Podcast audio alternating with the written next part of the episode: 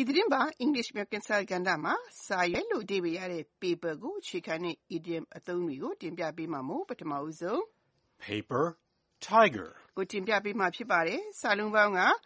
P A P E R paper ကစက်ကူဒါမှမဟုတ်စာရွက် T I G E R tiger ကကြာဆိုတော့စကားခုံရဲ့တိုက်ရိုက်အဓိပ္ပာယ်ကတော့စက်ကူနဲ့လှုပ်ထားတဲ့ကြားပေါ့။ ဒီအသုံးဟာ တကယ်တော့ ရှေးတရုတ်ယဉ်ကျေးမှုမှာ အသုံးပြုခဲ့တဲ့ ရီလာဟူ ဆိုတဲ့ ဝေါဟာရက ဆင်းသက်လာတာဖြစ်ပြီး ဒီအသုံးကို တရုတ်ကွန်မြူနစ်ဥက္ကဋ္ဌကြီး မော်စီတုံးက1946ခုက အမေရိကန်သတင်းတောက် Anna Louise Strong နဲ့ တွေ့ဆုံမေးမြန်းခန်းမှာ အမေရိကန်အရင်ရှင်စနစ်ဟာ ကြည့်ရတာ အင်အားကြီးပေမဲ့လက်တွေမှာ စက်ကူနဲ့လှုပ်ထားတဲ့ကြားလိုပဲ ဘာမှ ကြောက်စရာမကောင်းဘူးလို့ ဖြေကြားခဲ့ရကနေ ခေတ်စားလာခဲ့တာ ဖြစ်ပါတယ်။ idiom အဓိပ္ပာယ်ကလည်း ရှင်းပါတယ်။ကြောက်ဖို့ကောင်းတယ် အာဏာရှိတယ်လို့ ထင်ရပေမယ့် တကယ်တော့ အဲဒီလို မဟုတ်တာမျိုးကို ဆိုလိုတာ ဖြစ်ပါတယ်။ကျမတို့ မြန်မာမှာတော့ အဆံမရှိတဲ့ သင်္ကြန်မြောက် အဆိပ်မရှိတဲ့မွေးဆိုတဲ့ ဆိုရိုးစကားတွေနဲ့ တူတယ်လို့ ဆိုရမှာပါ။အထူးသဖြင့် သံတမန်ရေးရာမှာ နိုင်ငံတနိုင်ငံက တခုခုနဲ့ ပတ်သက်လို့ တုံ့ပြန်ရမှာ ထိထိရောက်ရောက် အရေးယူမယ်လို့ချင်းချောက်ပေမဲ့လက်တွေ့မှာတော့ တကယ်မတုံ့ပြန်ပဲအပြောကြီးတက်တက်ပဲ ဖြစ်တာကို ဆိုလိုတာ ဖြစ်ပါတယ်။ တကယ်တော့ကြောက်စရာမလိုတာမျိုးကိုဆိုလိုတာဖြစ်ပါတယ်။ဒီသုံးနဲ့ပတ်သက်တဲ့ George ကိုပေးတဲ့ဥမာကိုလေ့လာကြည့်ကြရအောင်ပါ။ When Mao criticized the Soviet Union for being friendly with the U.S., Soviet leader Khrushchev replied, The paper tiger has nuclear teeth. ဥက္ကဋ္ဌကြီးမော်ကအမေရိကန်နဲ့ဆိုဗီယက်ယူနီယံတို့ချစ်ကြည်ရင်းနှီးမှုကိုဝေဖန်ခဲ့ရမှာ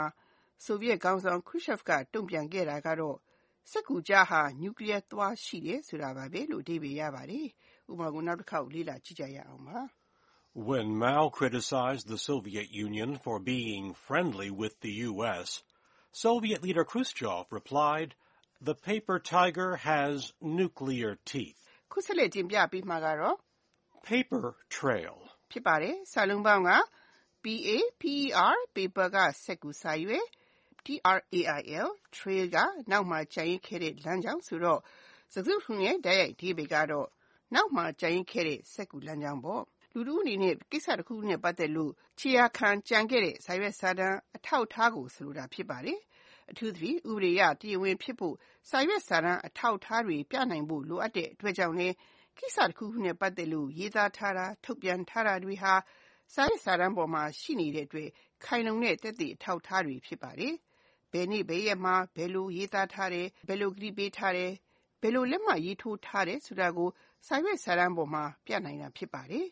ဒီစာရွက်စာတမ်းပေါ်မှာ ပြနိုင်တဲ့အထောက်အထားတွေဟာ paper trail ပဲ ဖြစ်ပါတယ်ထူးသဖြင့် အခုလို internet ခေတ်ကြီးမှာ လူတဦးကို ခြေရာခံလိုက်နိုင်ဖို့ အဲ့ဒီလူရေးသားထားတာ တွေ့လို့ရှိရင် အထူးပဲအတွေ့ကူတာလည်း ဖြစ်ပါတယ် ဒီသုံးနဲ့ ပတ်သက်လို့ George ကိုပေးတဲ့ဥမာကို လေ့လာကြည့်ကြရအောင်ပါ He left a paper trail so it was easy to locate him. သူ့ရဲ့စာရေးသားချက်တွေကိုခြေရာခံပြီးတော့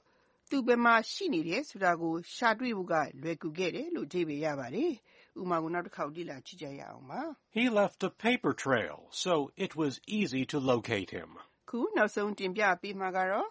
walking papers ဖြစ်ပါတယ်။စာလုံးပေါင်းက W A L K I N G walking ကလမ်းလျှောက်တာ Papers papers က စာရွက်တွေဆိုတော့ စကားစုတခုလုံးရဲ့ တိုက်ရိုက်အဓိပ္ပါယ်ကတော့ လမ်းလျှောက်တဲ့ စာရွက်တွေပေါ့။ဒီနေရာမှာ လမ်းလျှောက်တယ်ဆိုရာမှာ